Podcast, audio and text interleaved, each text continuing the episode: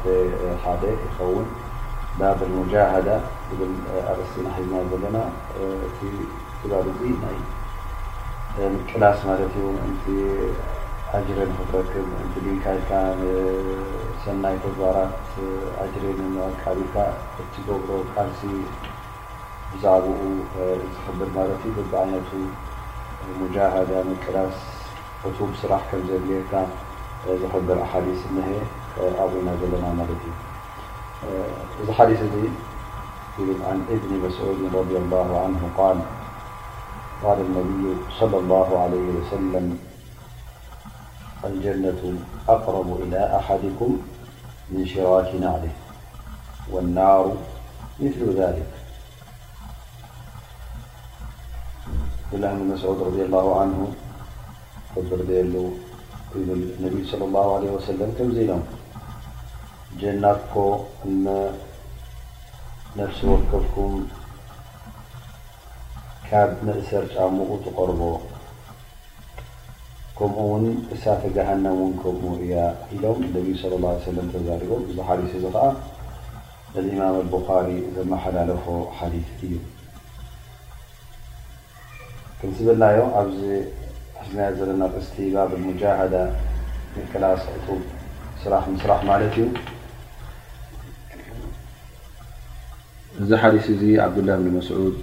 ረዲየላሁ ዓንሁ ካብቶም ቀዳሞት ነቢና ሙሓመድ ሰለላሁ ዓለይሂ ወሰለም እተኸተሉ ብጾት ነቢ ሙሓመድ ሰለላሁ ዓለይሂ ወሰለም እዩ። ካብቶም ነቢ ሙሓመድ ሰለላሁ ዓለይሂ ወሰለም እውን ፍልይ ዝበለ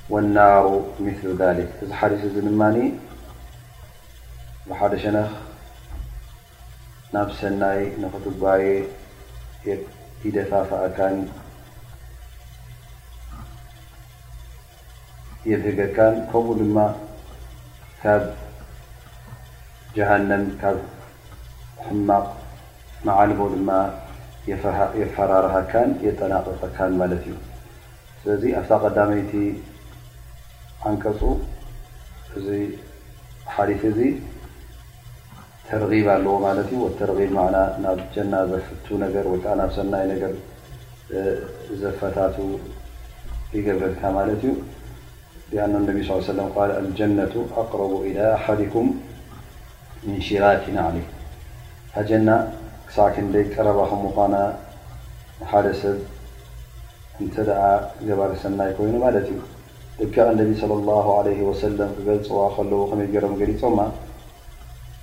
ኣቅረቡ ኢላ ኣሓዲኩም ሚን ሺራኪ ናዕሊሁ፣ ሺራኪ ናዓል ሁወ እቲ መእሰር ጫማኻ ማለት እዩ፣ እዚ ሕጂ መእሰር ጫማኻ ኣብ ኢድካ እዩ ኩሉ ግዜ ቀረባ እዩ ክትርክቦ ትኽእል ኢኻ ርሑቕ ኣይኮነን ክትቆፃፀሮ ትኽእል ኢኻ ማለት እዩ ስለዚ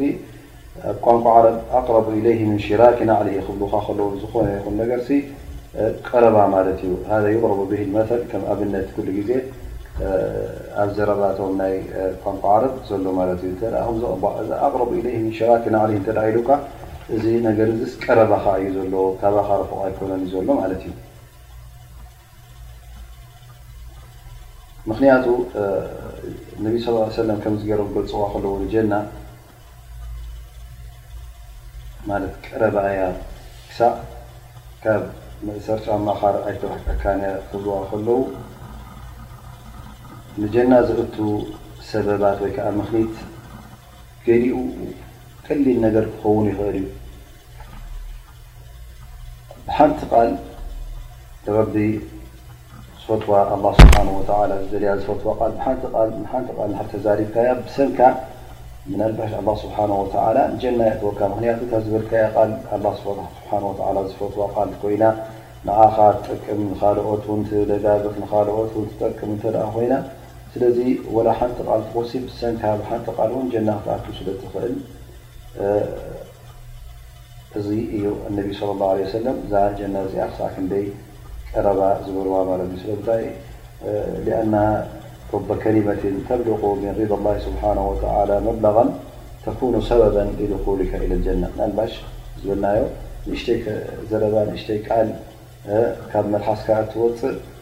ቀላል መናልባሽ ንስኻ ደይስተባሃልካላም ክትከውን ትኽእል ኢኻ ከም ዓባይ ነገር እውን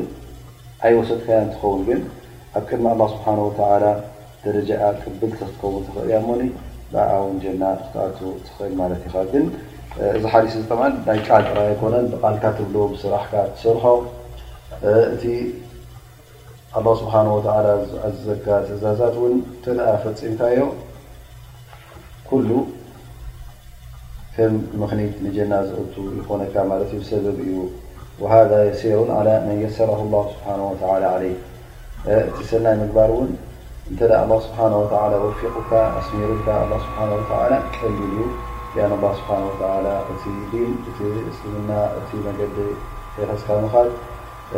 ሳህል ሙየስር እዩ ገይርዎ ኣላህ ስብሓነሁ ወተዓላ ካብ ድልጎትካን ካብ ሓይልኻን ወፃኢ ኣይገበሮን እትኽእሎ ክንዲ ዓቕምኻ እዩ ገይርዎ ክንዲ ዓቕምኻ ካብ ኮነ ድማ እዚ ነገር እዚ ኣሸጋሪ ኣይኮነን ቀረባኻ እዩ ማለት እዩ ስለዚ ሓደ ሓደ ግዜ በዓል ኢማን ክትርኢ ከለኻ ኢማን ዘለዎ ሰብ ሰላት ክሰግድ እንከሎ ሕጂ እዛ ሰላት እዚኣ ከባድ ኣይኮነት እ እታይ በንፃሩ ክሰግድ እከሎ እታ ነብሱ ደስ ይብላ ራኣ ልቡ ራሓ ዕረፍቲ ይስምዖ ማለት እዩ ርግኣትን ህድኣትን ጡማእኒናን ይስምዖ ናይታ ሰላት ፍቅሪ እውን ይህልዎ ማለት እዩ ምክንያቱ ካብ ኢማን ተበጊሱ ስለ ዝሰግድ ዘሎ ካልእ ዓይነት ክፍፅም ከሎ ፀው ክገብር ወይከዓ ዘካት ክህብ እንተ ኮይኑ እንተ እቲ ኢማኑ ሓያል ኢማን እተ ኮይኑ ነቕዘ ይብል ኢማን እተ ኮይኑ እዚ ነገራት እዚ ደስ እናበሎ ስለ ዝገብሮ ንኡ ፈቲስ ይኸውን ማለት እዩ ላኪን እንተ ሓደ ሰብ ኢማኑ ረቂቕ እተ ኮይኑ እሞ ከዓ ክሰግድ ከሎ ሕጂ ተደፊኡ ወይ ከዓ ከምቲ ተገዲዱ ዝሰግድ ከሎ ዝሰግድ ዘሎ ኮይኑ ክስምዖ ከሎ እዚ ካል ይኸውን ማለት እዩ ምክንያቱ ብቐንዱ እቲ ኢማን ኣብ ልቡ ስለ ዘይፀነዐ ስለ ዘይተሰረፀ እዚ የጓንፎ ማለት እዩ ላኪን እንተ ደኣ በዓል ኢማን ኮይኑ ኣላ ስብሓን ወተላ እውን እቲ ነገር ክሉ የፋኽሰሉን የቃልለሉን እዩ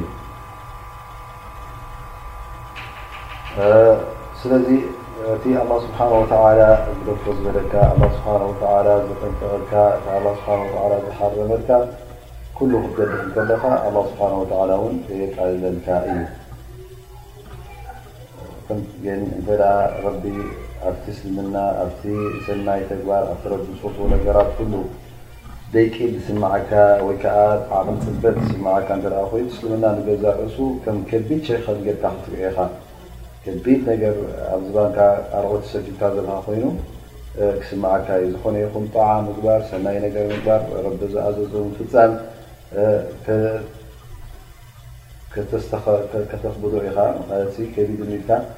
እቲ ነገር እቲ ኮኪስን ቀሊልን ከሎ ውን ከምዚ ጎቦ ኮይኑ ክረኣየካ እዩ ንዑ ንክትፍፅም ድማ እታ ነብስኻ ተህኪት ክስምዓ እዩ ማለት እዩ እዚ ከምዚ እተ ኮይንካ እታ ጀና ንዓኻ ቀረብ ኣይክትከውንን እያ ከምቲ ነቢ ስለ ላ ሰለም ዝበልዎ ውን ካብ መእሰር ጫማኻ ትቐርበካ ዝበልዎ ከምኡ ኣይክትኮነካን እያ ምክንያቱ ንስኻ ንገዛእ ርእስኻ እቲ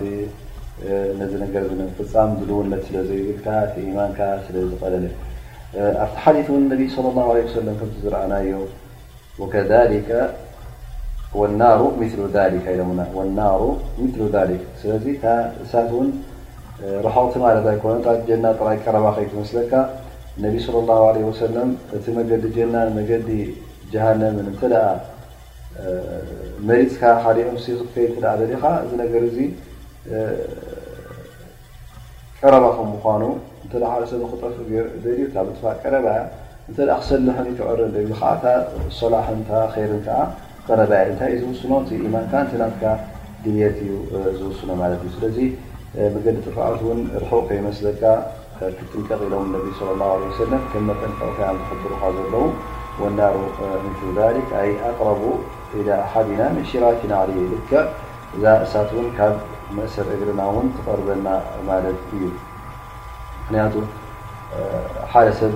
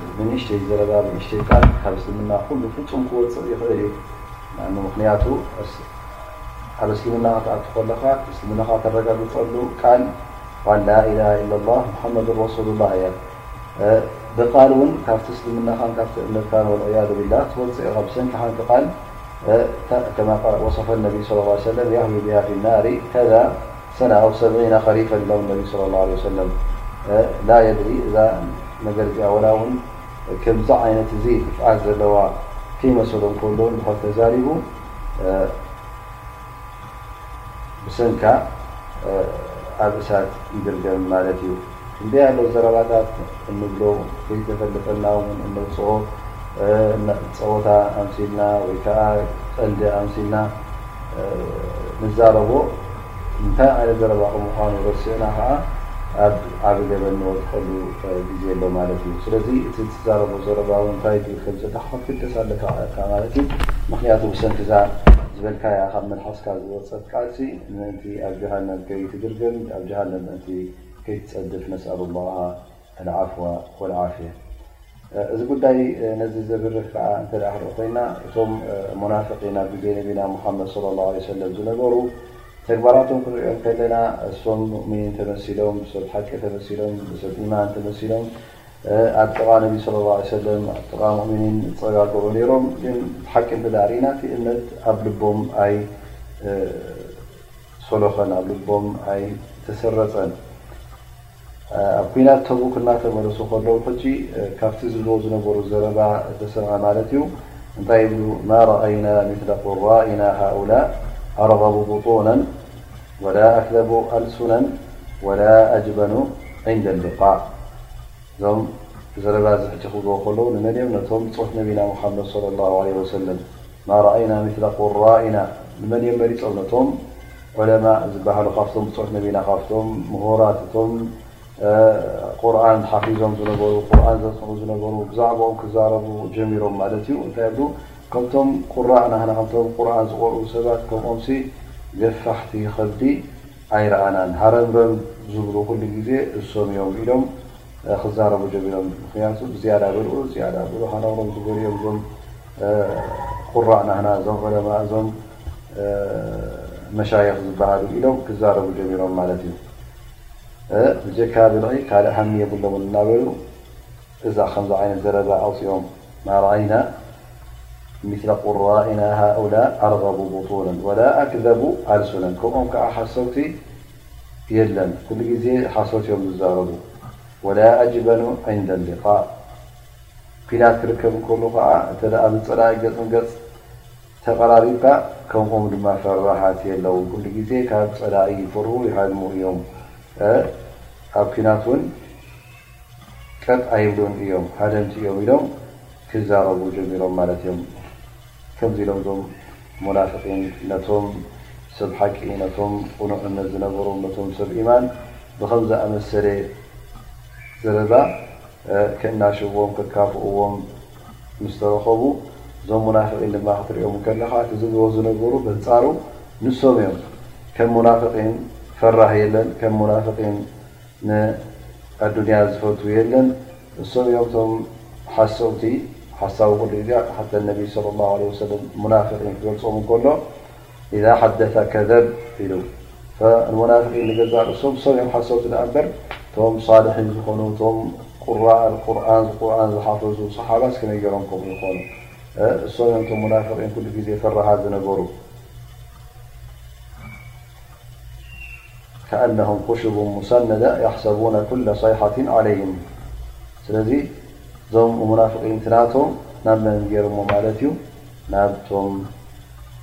ብጾት ነቢና ሙሓመድ ሰለላሁ ዓለይሂ ወሰለም ኣብቶም ጽሩያትን ንጹሃትን ዝኾኑ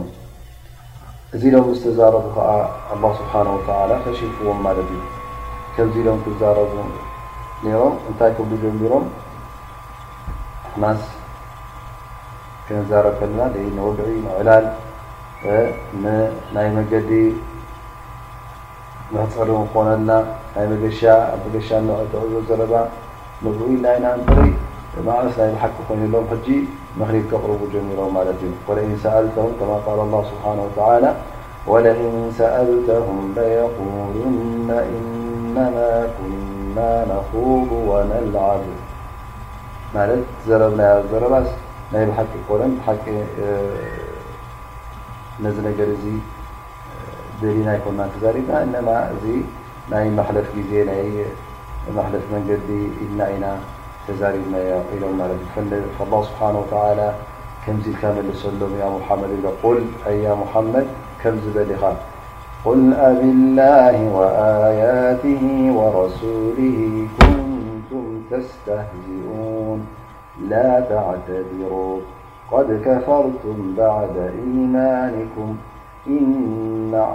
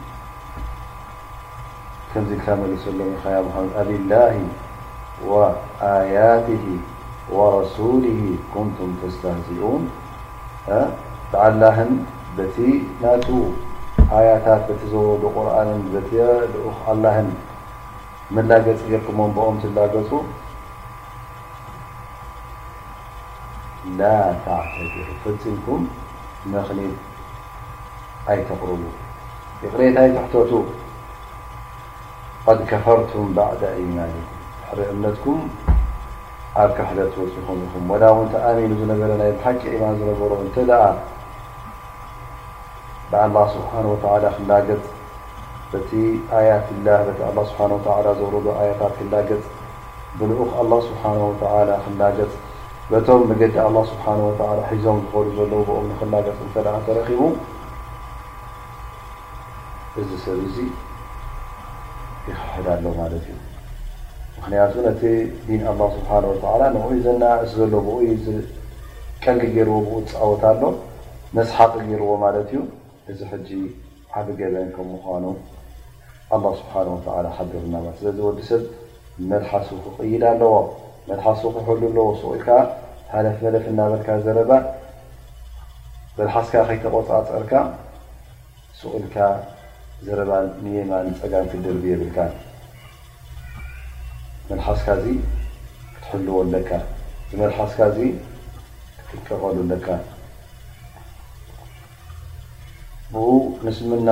ክኣቱ ብኡ ኸኣ ካብ እስልምና ክትወጽእ ይከኣል ስለ ዝኾነ እዚ መልሓስ እዚ ዘውጽኦ ዘረባ ብጣዕሚ ብጣዕሚ ኣገዳሲ እዩ ብጣዕሚ ብጣዕሚ ድማ ወይ ንጀና ከእትወካ እዩ ወይ ከኣ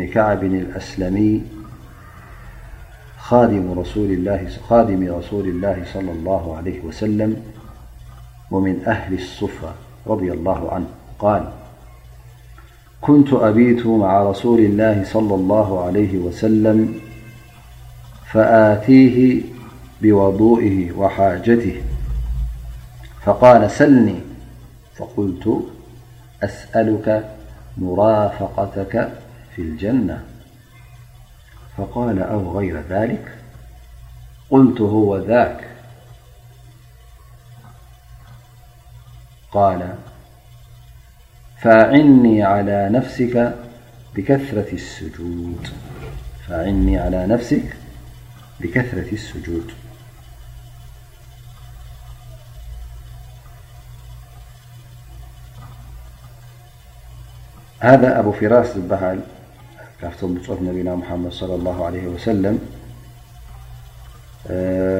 ከምኡ ውን ንነቢ ሙሓመድ ስ ሰለም ዘገልግሉ ዝነበሩ ሰባት እዩ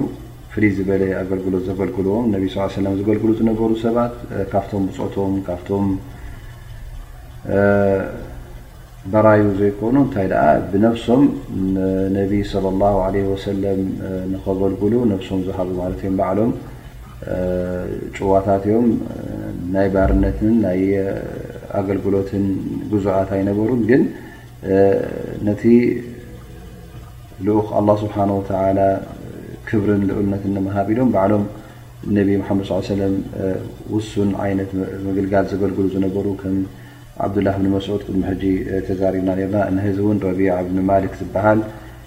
ነቢ ስ ሰለም ዘገልግል ዝነበረ እዩ ምክንያቱ ውን ግዛእ ርእሱ እዙ ንኦም ክብሪ እዩ ዝስምዖም ነሩ ንነቢ ሓመድ ስ ሰለም ዝኣክል ከገልግሉ እንከለዉ ክብሪ ይስምዖም ስለዝነበረ ክብሪ ስለ ዝነበረ ከዓ ነዚ ነገር እዚ ቶም ብጾት ነቢና ሙሓመድ ሰለላሁ ዓለይሂ ወሰለም ይቀዳደሙን እዮም ነይሮም። እሱ ኸኣ እዚ ሰብ እዚ ካብቶም ኣህለ ሱፋ እዩ ነይሩ። ኣህለ ሱፋ ክበሃል እንከሎ እንታይ እዩ? ካብ እተፈላለያ ገጠራት ዓድታት መጺኦም ንመዲና ዝሃጀሩ ሰባት ኣሚኖም ኣመስሊሞም ማለት እዩ። ኣብ መዲና ምስ መጹ ኸኣ እቲ መጀመርያ ግዜ እቲ ክእለት ናይ ኣስላም ውሑድ እዩ ነይሩ ማለት እዩ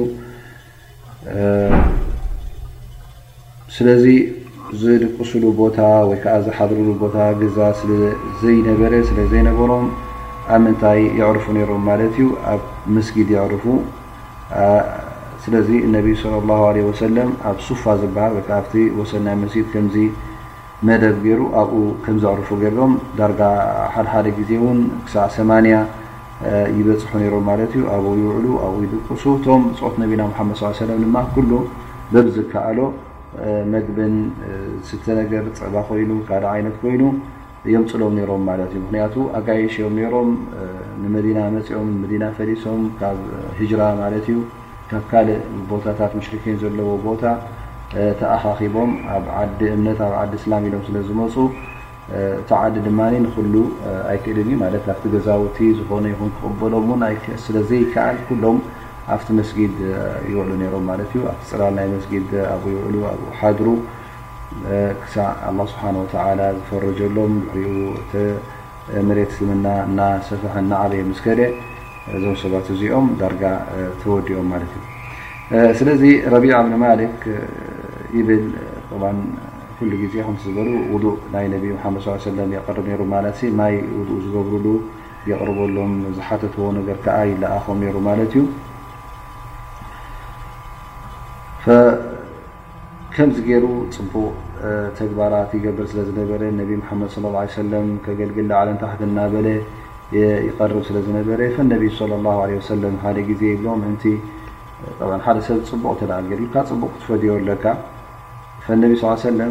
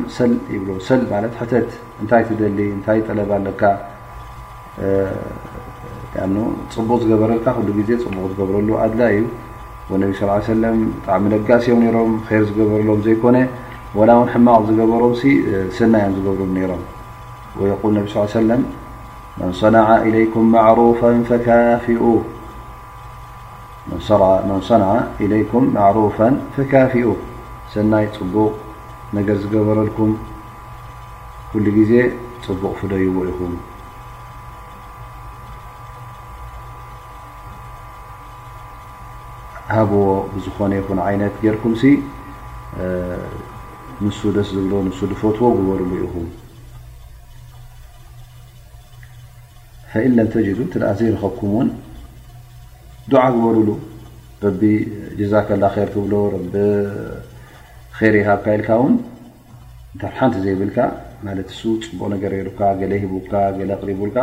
እስኻ ሕጂ ናይቲ ዘቕረበልካ ነገር ድማ ካብ ሰናይ ኢድ ዝገበረልካ እስኻ ድማ ብሰናይ ኢድ ትመልሰሉ ማለት እዩ ስለዚ እንተ ትመልሰሉ ዘይብልካ ከዓ እንተሓመቐ እንታይ ትገብርሉ ማለት እዩ እቲ ዝዓበየ ድዓ እቲ ጌርካ ትዝክሮ ማለት እዩ ፈነቢ ስ ሰለም ነዚ ሰብ እዚ ሰል ይብልዎ ሕተት እንታይ ደሊ ድላይ ካ ነቢ ስ ሰለ ን ኣይወሰኑን ካብዚ ከምዚ ዓይነት ሕተት ኣይበልዎን እንታይ ኣ ሰል እዮም ኢሎሞ ማለት እዩ ሕተት ከምዚ ክብሉ ከለዉ ሰብ ምናልባሽ እንታይ ክብል ምንታይ መስለካ ናባሽ ሰብ እ በቲ ዝነበሩ ኩነታት ከምቲ ዝረኣኹሞ ካብቶም ኣህለሱፋ እዩ ነሩ ኣህለሱፋ ሕጂ ዝሓድርዎ ገዛ ንገዛእ ርእሱ ኣይነበሮምን ማለት እዩ ክእለት ኣይነበሮምን ማል ኣይነበሮምን ገንዘብ ኣይነበሮምን ስለዚ መጀመርያ እቲ ረኪብዎ ዘሎ ሽግር ሽግር ናይ ገዛ ሽግር ናይ ኣነባብሮ ስለዝኮነ ምናልባሽ ኣነባብሮ ንክዕረየሉ ማል ይኹን ወይከዓ ካልእ ዓይነት ክሓትት ኢልካ ምናልባሽ ትፅበ ትኸውን ላኪን እዚ ሰብ እዚ ናቱ ሃሚ ወይ ከዓ ናቱ ድልት ልዑል ዝኾነ ድልት እዩ ነይሩ ማለት እዩ ኣብቲ ሰዓት እቲ ኣብቲ እዋን እቲ ናይ ዱንያ ነገር ፍፁም ኣየገደሾን እንታይ ደኣ ኢሉ ቃለ ኣስኣሉካ ሙራፈቀተከ ፊ ልጀና ኣስኣሉካ ሙራፈቀተከ ፍልጀና ያ ረሱላ ላህ ከምዛ ኣብዛ ኣዱንያ እዚኣ ኣብ ጥቃካ ዘለኹ ኣብ ዮም ኣልቅያማ ኣብ ኣኼራ ድማ ኣብቲ ጀና ኣብ ጥቃካ ክኸውን ምሳኻ ክኸውንሲ እዚኣ እየ ዝደሊ ኢሉ ይዛረብ ማለት እዩ ነቢይ ስለ ላ ለ ሰለም ኣው ገይረ ዛሊክ ኣው ገይረ ዛሊክ ካልእ የብልካን ካልእ ትሓቶ ካልእ ደኣ ዘይትሓትት ኢሎም ነቢ ለ ላ ለ ወሰለም ይምልስሉ ማለት እዩ ማለት ኣብዚ ዱንያ እዚ ገለ እተ ኣነ ዝኽእሎ ክገብርልካ ክእል እተ ኣሎ ኮይኑስ ንዑ ደኣ ድግ ሓታ ኮንካ ነታ ጅና መሪጽካ ኢሎም ንነቢ ስለ ላ ለ ሰለም ሕቶ ይሓትዎ ማለት እዩ ፈቃለ ሁወ ዛክ ያ ረሱላ ላህ ኣነ ካልእ ድልት የብለይን ብጀካ እታ ጀና ምሳኻብታ ጥራኻ ክኸውን ተዘይ ኮይኑ ካልእ ትምኒት የብለይን ካልእ ዝሓቶ የብለይን ሃሚ ናቱ ሃሚ ናይ ጀና እዩ ነሩ ሃሚ ኣዱንያ ይነበሮ ዝሰብ እዙ ከምዚኦም ከዓ ነሮም እቶም ብፁዕ ነቢና ሙሓመድ ለ ላ ለ ወሰለም ናይ ነዛ ዱንያ እዚኣ ግልጽ ክብልዋ ኣይነበሩን እምበር እዚ ሰብ እዚ ካብቶም ኣህለ ሱፋ ክበሃል ከሎ ኣህለ ሱፋ ኣብቲ ግዜ እቲ ቶም ዝደኸዩ ሰባት እዮም ነይሮም ሰብ ዝሰደቐሎም ሰብ ዝተኸበሎም እዮም ዝበልዑ ነይሮም መሕደሪ ኣይነበሮምን ኣብቲ መስጊድ ይሓድሩ ነይሮም ዝበልዕዎ እውን ሎምዓልቲ ምስርሑ ፅባሕ እውን ወላ ሓንቲ ከይረኸቡ እውን ይሓልፍ ነይሩ ማለት እዩ ላኪን እዚ ኩሉ ሽግራቱ ግልፅ ከይበለ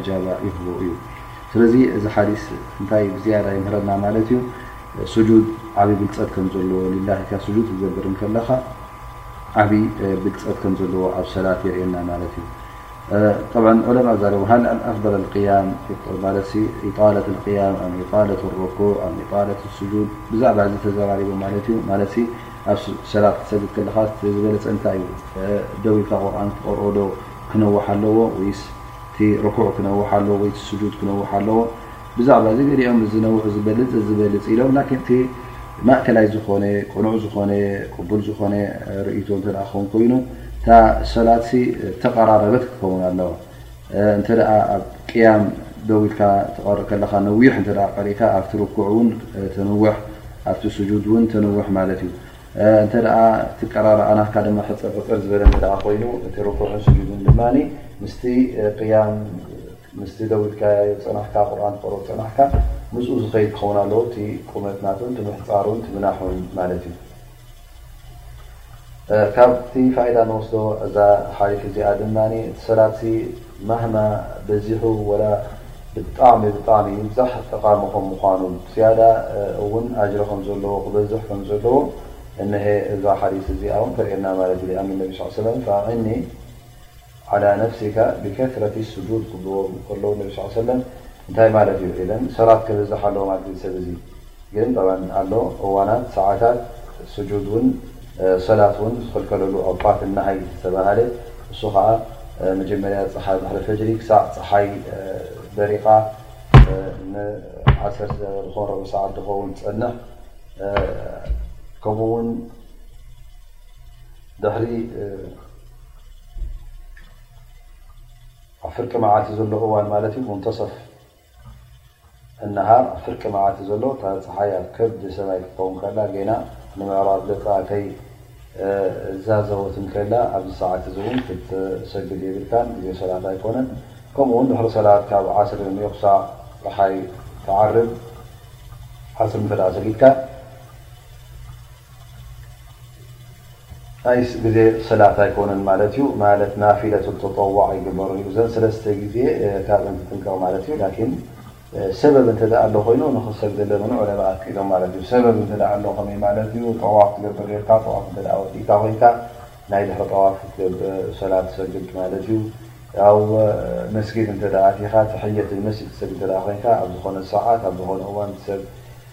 ሰብ ግን ማለት እዩ ብዘየገድስ እቲ እዋን እዋን ናሃይ እዋን ዝክልከለሉ ዩ ሰላት ይኹን ወይ ከዓ ዘይክልከልሉ ምክንያት ሰበብ ስለ ዘሎ ነዚ ሰበብ እዚ ኢልካ ትሰግዶ ማለት እዩ ካብቲ ፋይዳ ንወስዶ ኣብዚ ሓዲስ እዚ እውን እንታይ ይርእየና ማለት እዩ ዝኾነ ይኹን ሓውኻ ዓርክኻ ዘመትካ ኮይኑ ወላ ውን ብገንዘብ ተቆፅረ ወይ ከዓ ብኣገልግሎት ንምግልጋል እተወሰነ እንተዘይኮይኑ ባዕሉ ጭዋ ዝኾነ ናፃ ዝኾነ ሰብ ከገልግለካ እንተ ደልዩ ባዕሉ መሪፁ ጌጋ ኣይኮነን ወላ ሓንቲ ሽግር የብሉን እንተ እስኻ ውን ልኢኽካዮ ነዚ ከምዝኣመሰለ ሰብ ውን ገደ ኣበረ የብሉን ምክንያቱ ነቢ ስ ሰለም እዚ ሰብ እዚ የገልግሎም ነይሩ ኣይተገልግልን ኢሎም ኣይኣበዩን ማለት እዩ ስለዚ ከመይ ማለት እዩ ተ ሓደ ሰብ ንኣብነት ጋሻ እተ መፅኻዮ ብገዛ ማይ ሃበኒ ማይ ኣቀበለ ንክትብሎ ከለካ እዚ ሕጂ ንዕኡ ተዋርዶ የለኻ ማለት እዩ ወይከዓ እስኻ ነብስኻ ዝያዳ ካብኡ ርኢኻ ን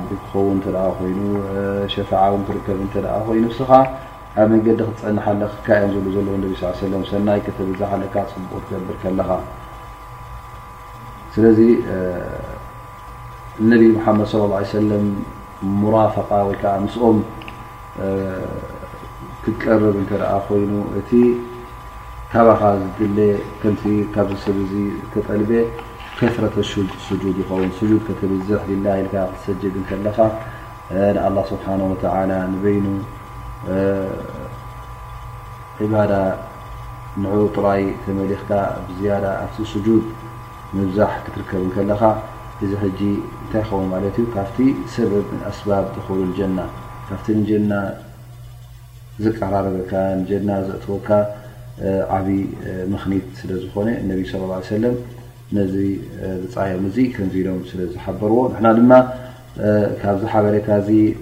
ተጠቒምና ስጁድ ከነዘውትር ኣለና፣ ሰላት ከነዘውትር ኣለና፣ ፈርዲ ጥራይ ሰጊድና ሱቕ ክንብል የብልናን። እንታይ ደኣ እቲ ሱና ራቲባ ዝበሃል ምስ ሰላት ዝስገድ ምስ ፈርዲ ቅድሚ ፈርዲ ኮይኑ ድሕሪ ፈርዲ ኮይኑ ዝስገድ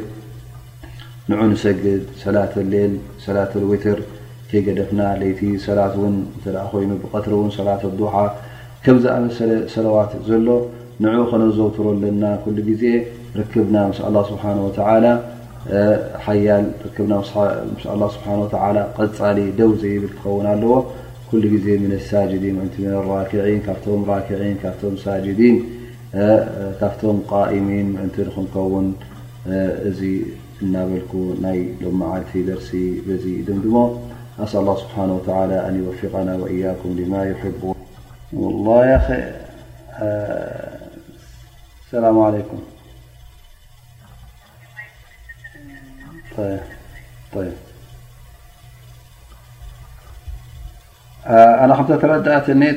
ትብል ኣላ ዘንብኻ ኣብ ሕቆኻ ስለ ዝኾነ ስጁድ ክገብር ከለኻስ ካብ ሕቆኻ ካብ ዝባንካ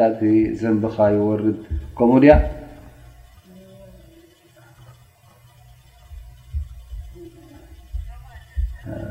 ኣ